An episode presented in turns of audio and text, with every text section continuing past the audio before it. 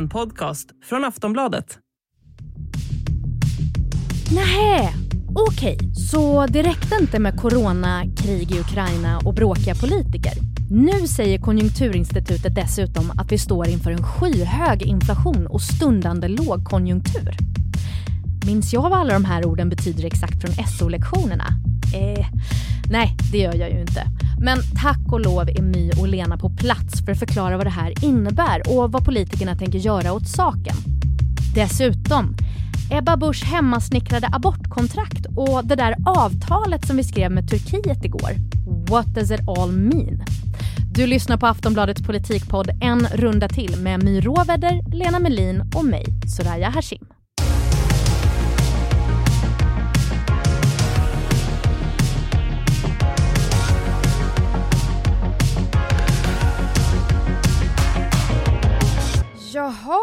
Jaha. Här hade vi ju tänkt göra ett program och sen så gick Ann Linde och Magdalena Andersson och skrev avtal med Turkiet och då får vi göra ett helt annat program, Lena och My.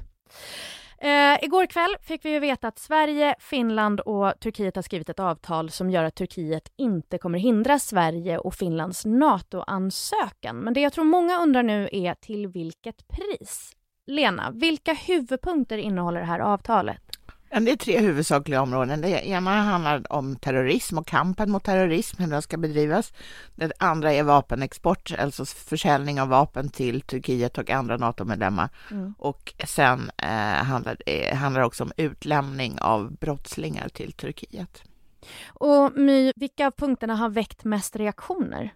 Alltså alla punkterna har väckt reaktioner, eh, för att eh, politikerna har också tillbringat eh, väldigt mycket tid med det nu med att säga att man inte kommer ändra så himla mycket, förutom då det här med vapenexporten, eh, i hur, vad man gör idag. Det är en tunn linje här mellan diplomati och att kunna liksom tydligt berätta vad det här innehåller. Men det som det framförallt har varit eh, mycket debatt om nu, det är ju det här med att inte stödja eh, YPG, den här eh, eh, kurdiska milisen i norra Syrien och varför man pratar om det nu är ju för att det indirekt var en del av avtalet med Amineh Kakabaveh för att släppa fram Magdalena Andersson.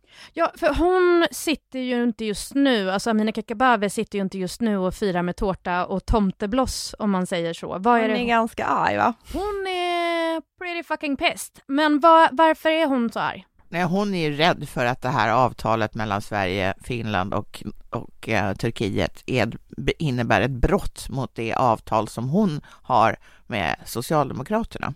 Jag såg det här att hon hade hotat med misstroendeförklaring mot Ann Linde. Hur, hur sannolikt är det att hon får igenom något sånt? Alltså själv lär hon ju inte få igenom det, för det krävs att det är, om jag minns rätt, 35 ledamöter som kräver en misstroendevotum för att det ska genomföras. Så hon måste ju få med sig minst 34 andra då.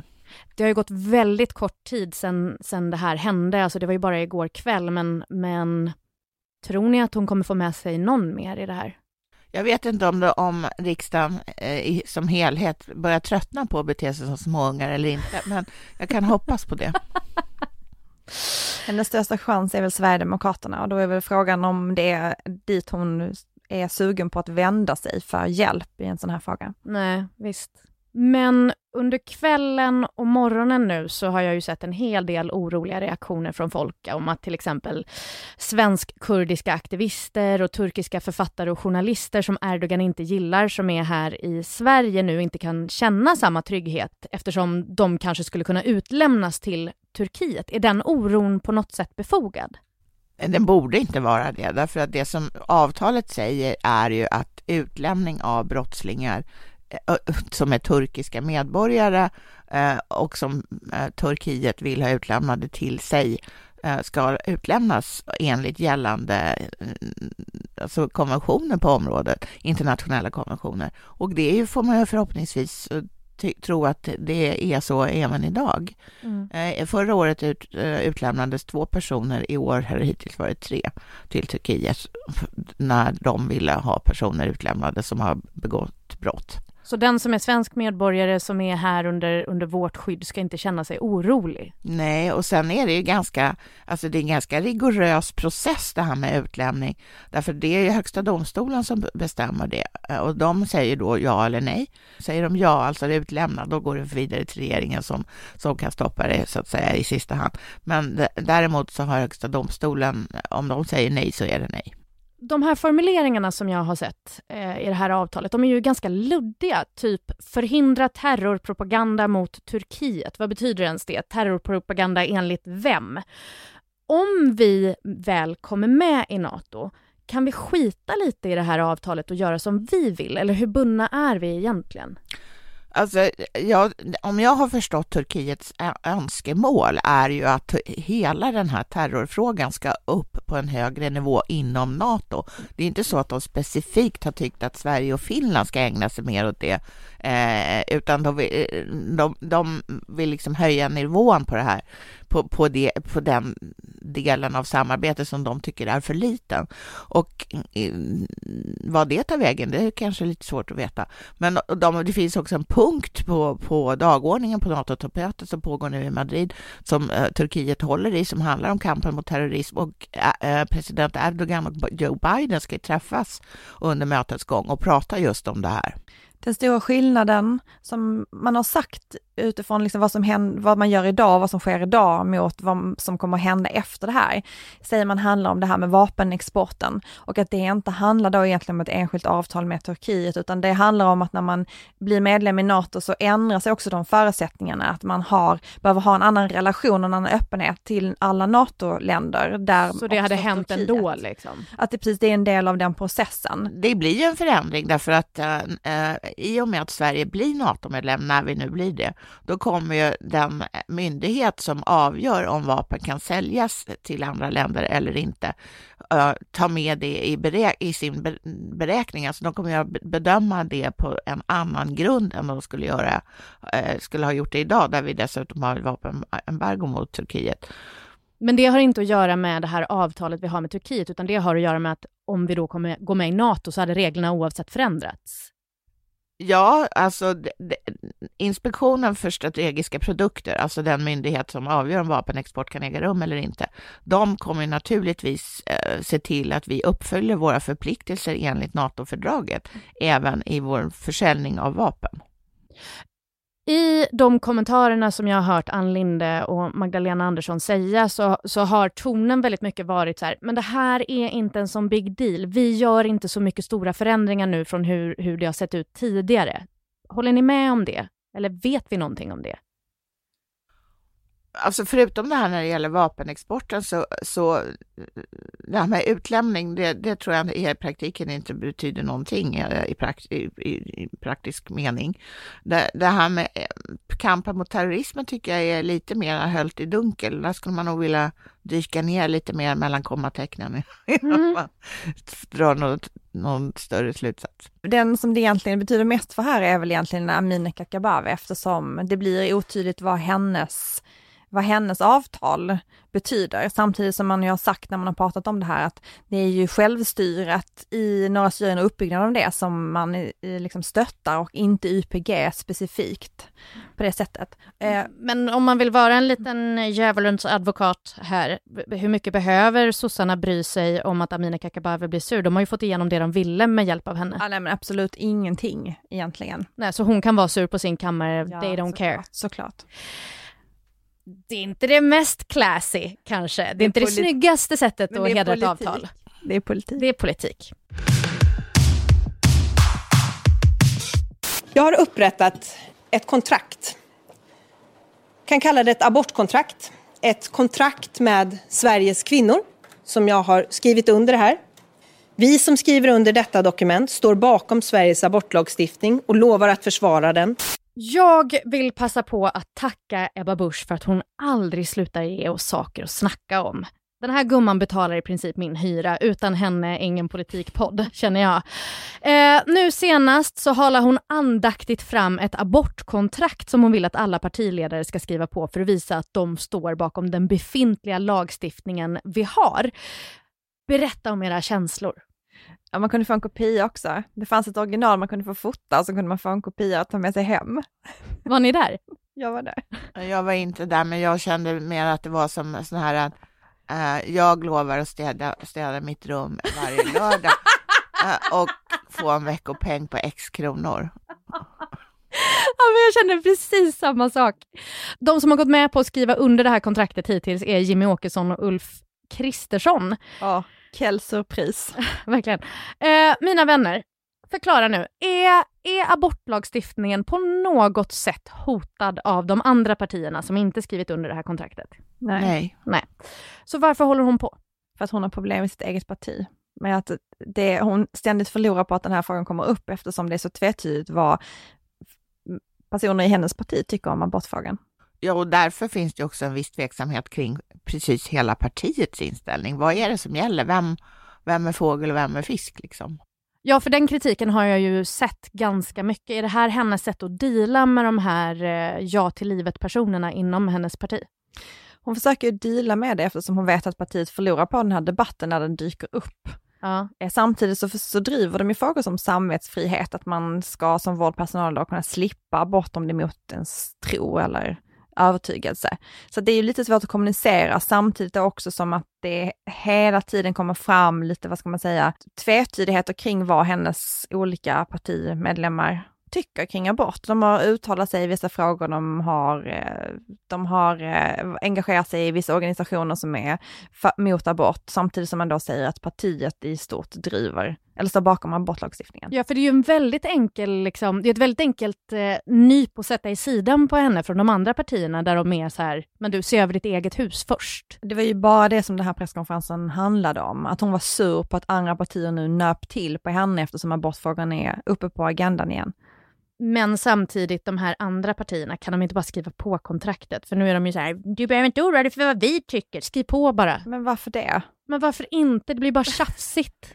Nej, men varför ska de skriva på något som hon går omkring och viftar med? Alltså den dagen man kan börja bry sig om om någon har någon annan åsikt, något parti, det är ju när någon, någon grupp inom partiet sluter sig samman och motionerar i riksdagen om, om förändring av abortlagstiftningen.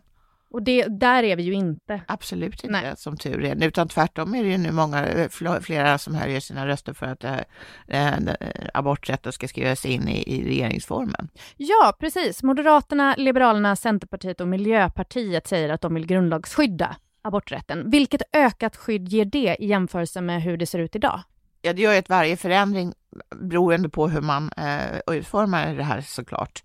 Men tanken måste ju vara att varje förändring ska vara svårare att, så att säga, få ta längre tid att genomföra. Om man skriver in aborträtten i, i, i grundlagen så tar det viss tid och det tar också tid att ta bort den. Mm. Och det, tanken med det är att man ska kunna eh, ägna sig åt lite eftertänksamhet.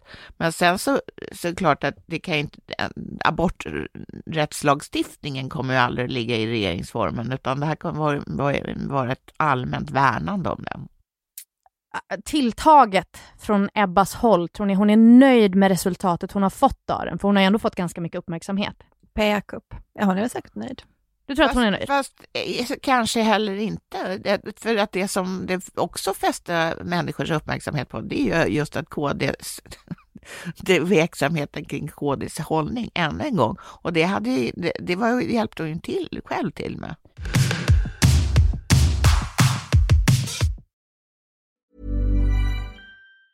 Many of us have those stubborn pounds that seem impossible to lose, no matter how good we eat or how hard we work out. My solution is PlushCare. PlushCare is a leading telehealth provider with doctors who are there for you day and night to partner with you in your weight loss journey. They can prescribe FDA-approved weight loss medications like Wagovi and Zepbound for those who qualify. Plus, they accept most insurance plans. To get started, visit plushcare.com slash weight loss. That's plushcare.com slash weight loss. Sverige har gått in i lågkonjunktur, det konstaterar Konjunkturinstitutet som sänker sin prognos för svensk BNP-tillväxt i år. Sverige har nu den högsta inflationen sedan 1991. Jag vill vara tydlig med att eh, vi kan vänta oss tuffa, tuffare tider framöver. Finansminister Mikael Damberg och Per Gessle är överens. Det är tuffa tider. Konjunkturinstitutet har släppt en rapport över det ekonomiska läget i Sverige och de säger att skyhög inflation för Sveriges ekonomi in i en lågkonjunktur i år. Man sänker prognosen för tillväxten både i år och nästa år. Lät jag vuxen och som att jag fattade vad jag sa? Det gjorde jag absolut inte. Skojar bara, jag låtsas. Men visst fattar till och med jag att någonting är fel. När maten är så dyr på ICA att man måste sätta sig med kvittot när man kommit ut ur affären för att lista ut vad fan som gick fel. Maten är dyrare, folk är oroliga för räntor på sina bolån, bensinen är snordyr. Till och med kaffe kostar 40% mer nu än vad det gjorde för ett år sedan. Lena, vad är de huvudsakliga anledningarna till att vi har hamnat i den här situationen? Det är ju obalanser i världsekonomin eh, som, eh, som har förorsakats framför allt av kriget i Ukraina, av pandemin och av Kinas eh, pandemipolitik. Senast här nu så var ju 26 miljoner Shanghaibor instängda ett par månader. Det blir ett jättestort produktionsbortfall av olika saker som skulle komma ut på världsmarknaden, till exempel halvledare. Oh, halvledare, ett ord vi har lärt oss de ja. senaste åren. Ja. Eh, och då, då, då, blir det ju ingen produktion av halvledare därifrån på, bland jättemånga människor under jättelång tid. Som behövs i allting. Ja, som behövs i typ allting. Fraktkris har jag förstått att vi har också. Ja, och den eh, har ju pågått länge och, och började under pandemin. Så låt oss gå in på hur det här påverkar oss svenskar. Eh, alla måste handla mat och maten är som sagt dyrare. Eh, varför är den det? My, Varför är maten dyrare? Ja, men det började med bränslepriserna som gick upp och elen som blev dyr och gödsel som blev dyrt för att mycket av matproduktionen sker ju på lantbruk i Sverige. Eh, eller andra företag som producerar mat, de behöver ju liksom el och eh, bränsle. Eh, och det är ju kopplat till kriget i Ukraina och eh, nu så kommer det förmodligen komma fler prisökningar för att eh, det har också blivit dyrt med foder på grund av att det är brist. Mm. Men det är ju inte så att det var fett att vara bonde redan innan det här, utan det här är någonting som har stressat de svenska lantbruken ytterligare, att det har blivit så dyrt att eh, med matproduktionen. Jag, jag funderar på det här med, med tidigare ekonomiska kriser. Vad, vad, kan det i värsta fall leda till för de sämst ställda i Sverige, att, att maten är så dyr? Alltså det är ju så att man eh, kommer ju få dra ner på maten om man det är så att marginalen är så liten att man, in, att man redan nu är liksom på gränsen. Eh, och samtidigt så är det ju att sommaren är ju den värsta tiden för det, för då behöver man ju ge barn mat alla måltider. Liksom alla måltiderna. Ja. För vi har ju ändå i Sverige fria skol, skolmåltider och det är och också fri frukost på väldigt många ställen, i, särskilt i fattiga områden för att man vet om att det är ett sätt att styr, styrka upp de här allra fattigaste familjerna. Men det är klart att man kommer att behöva se över sitt matintag. Inte vi då kanske som inte har det illa ställt, vi kommer kanske bara, bara behöva se över vad vi handlar och se till att vi inte kastar så mycket mat. Men det är ju, det är ju klart att man kommer att behöva fundera över hur man äter och vad man äter. Mm. Eh, så att jag menar, det är själv, jag har ju själv upplevelse av att växa upp som ett ganska fattigt barn och det är ju klart att det påverkar vad du äter. Mm. Att mat inte är Alltså att för vilken mat som helst är inte en självklarhet om man har en eh, ansträngd ekonomi i en familj. Nej, såklart inte. Och vad har de politiska lägren för lösningar på det här? Alltså det som mm, regeringen har föreslagit att riksdagen accepterat är ett höjt bostadsbidrag för, för, eh, för barnfamiljer. Sen finns det också stödpaket som har gått till bönderna och till alltså fjäder, alltså fjäderfäindustrin, säger man det, kycklingindustrin. Mm. Eh, för att eh, se till att industrierna hålls igång, men också då att man inte behöver höja priserna sådär jättemycket på maten.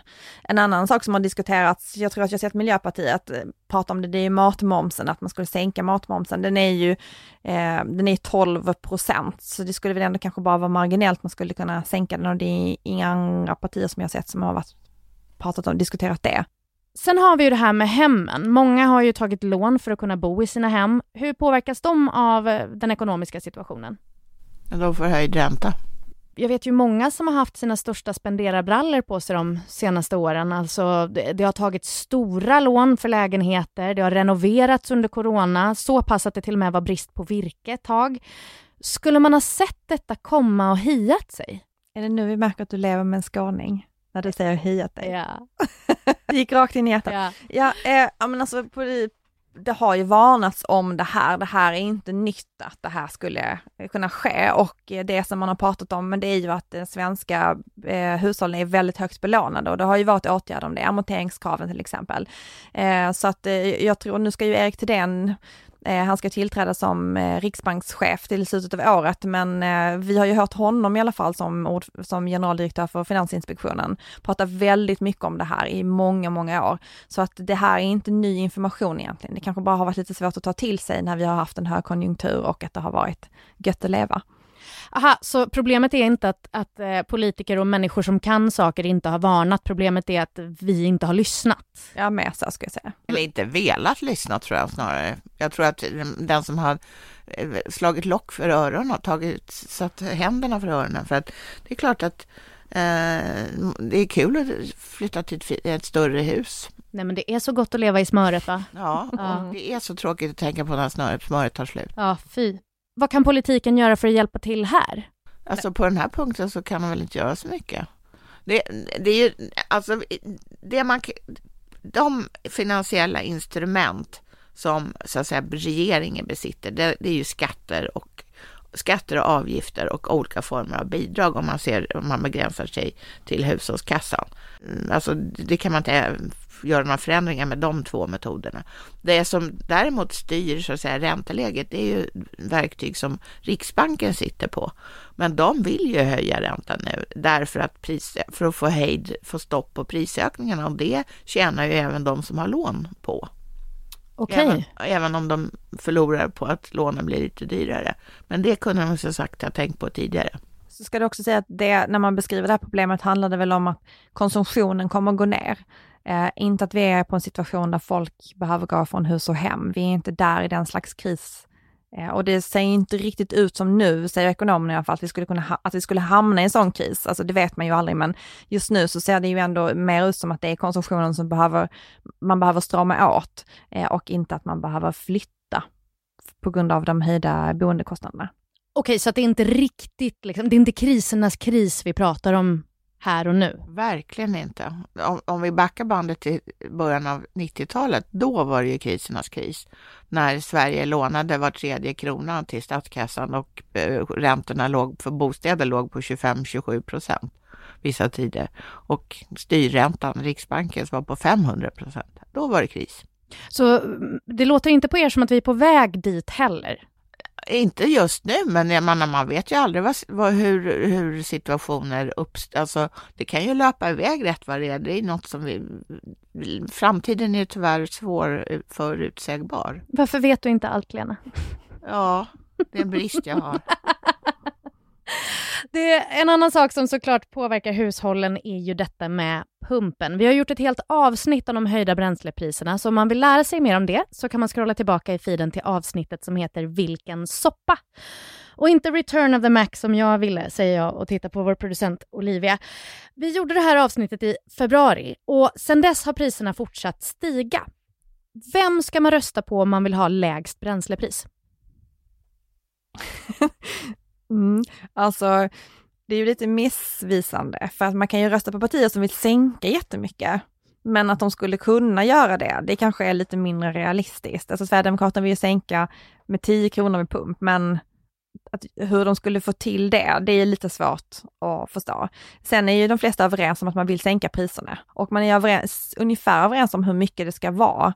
Eh, Moderaterna och KD vill sänka med 5 kronor ungefär. Regeringen har ju räknat ut att man kan sänka runt 4 kronor, mm. strax under kanske, eh, med liksom de verktyg man har just nu. Så att, för det, på, det är ju inte bara politiken som påverkar, utan det är också världsmarknadspriset och det är framförallt det som har gått upp jättemycket som har höjt priset på bränsle. Men, men när man säger sänka, då menar man väl... Eh, in, vid pump. Vid pump, men då menar man väl inte liksom nu går vi in på källmacken här och drar ner kronan, utan det är väl på andra håll som, som man åtgärdar så att pengarna sammanlagt blir mindre, typ dra, dra ner någon skatt hit och dit? Eller? Ja, men alltså, så här är det ju att skatten här har ju sänkts i år med 1,80. Eh, det är, ganska, det är en väldigt stor sänkning och jag tycker också en väldigt diskutabel sänkning med tanke på att eh, vad, vad är det viktigaste? Är det, är det klimatet eller inte? Det, det är bara högtidstal, det är jätteviktigt. Och det är ju den enda delen av så att säga slutpriset som politiker kan rå på. Det är ju det som har med skatter att göra. Resten är ju eh, råvara och transport och produktion. Men, men så de här liksom 4 till 5 kronorna som de andra partierna verkar överens om, eller typ, är de realistiska? Man vill ju sänka reduktionsplikten också eftersom det här inblandningen av biobränsle gör att det blir dyrare. Eh, så att, nej, det är klart man kan säkert pressa ner det fem kronor, men då är det precis som Lena säger, vad är frågan? Alltså vad är... Vad är Min fråga är, vem ska man rösta på om man vill ha lägst vad bränslepris? Blick, vad är blicken framåt Ja, men då tycker jag du ska rösta mot Putin, därför att det är han som har pressat upp priserna. Gud vad ni inte svarar på min fråga. Vem ska man rösta på om man vill ha lägst bränslepris? Du kan rösta på vem du vill nästan. Ja. Okej. Okay. Och då, om vi går in på det här du tog upp nu Lena, alltså om man samtidigt vill ha ett parti som tänker på miljön, går det att få ihop de här två sakerna? Att både tänka på miljön och betala ett ganska lågt bränsle, eller lite lägre bränslepris? Nej, Speciellt inte om man vill ta bort reduktions, den, eller sänka in, inbland, andelen inblandad biobränsle. Då, då, då går det ju inte alls åt rätt håll. Alltså det, det gör ju däremot elbilar, men det kommer inte heller vara så billigt att ladda dem och dessutom är de dyra att köpa. Det, det, kommer helt enkelt vara dyrare vid pump. Kanske att det kan sänkas lite här och var. Det har sänkts lite på skatten. Ja, men det, det, en sak är fullständigt säker. När, när så att säga, bränslemarknaden har, i världen har anpassat sig till eh, dagens eh, säkerhetspolitiska situation i Europa, det vill säga Putins angrepp mot Ukraina, då kommer ju världsmarknadspriset att sjunka. Men det, det är sådana här obalanser tar ju lite tid att liksom få ordning på. Jag minns ju att när Magdalena Andersson var finansminister så älskade ju hon att prata om att spara i ladorna. Helt enkelt att man ska spara när det går bra så man har att ta av när det krisar. Så hur fulla är våra lador nu inför denna lilla kris? Alltså det har ju spenderats väldigt mycket pengar under pandemin. Eh, men Sverige har ju fortfarande jämförelsevis en väldigt låg statsskuld. Så ja, alltså de är ju inte tomma. Men de är inte fulla, men de har väl aldrig varit helt fulla heller nu ska vi, om Mikael Damberg, finansminister, får som han vill, så ska vi ju sluta liksom betala av på statsskulden eh, tills, eh, och istället satsa pengarna på att upprusta försvaret. Så hur stor kommer den här plånboksfrågan bli i valet? Alltså moderatsidan, de kämpar ju hårt för att det ska, här ska bli en valfråga. Eh, så att eh, även om det kanske inte blir den hetaste valfrågan så tror jag att den kommer att ta en betydande plats. My och Lena, tack så jättemycket för idag. Tack själv. Programmet är slut för den här gången och vi som har gjort det är som vanligt producent Olivia Svensson, experter My Råväder och Lena Melin och jag heter Soraya Hashim. Vi kommer komma tillbaka igen i samband med att Almedalen börjar och då ska det snackas skit. Ha det gott!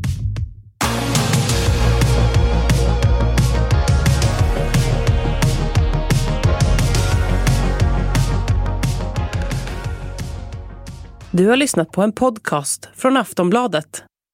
Ansvarig utgivare är Lena K Samuelsson.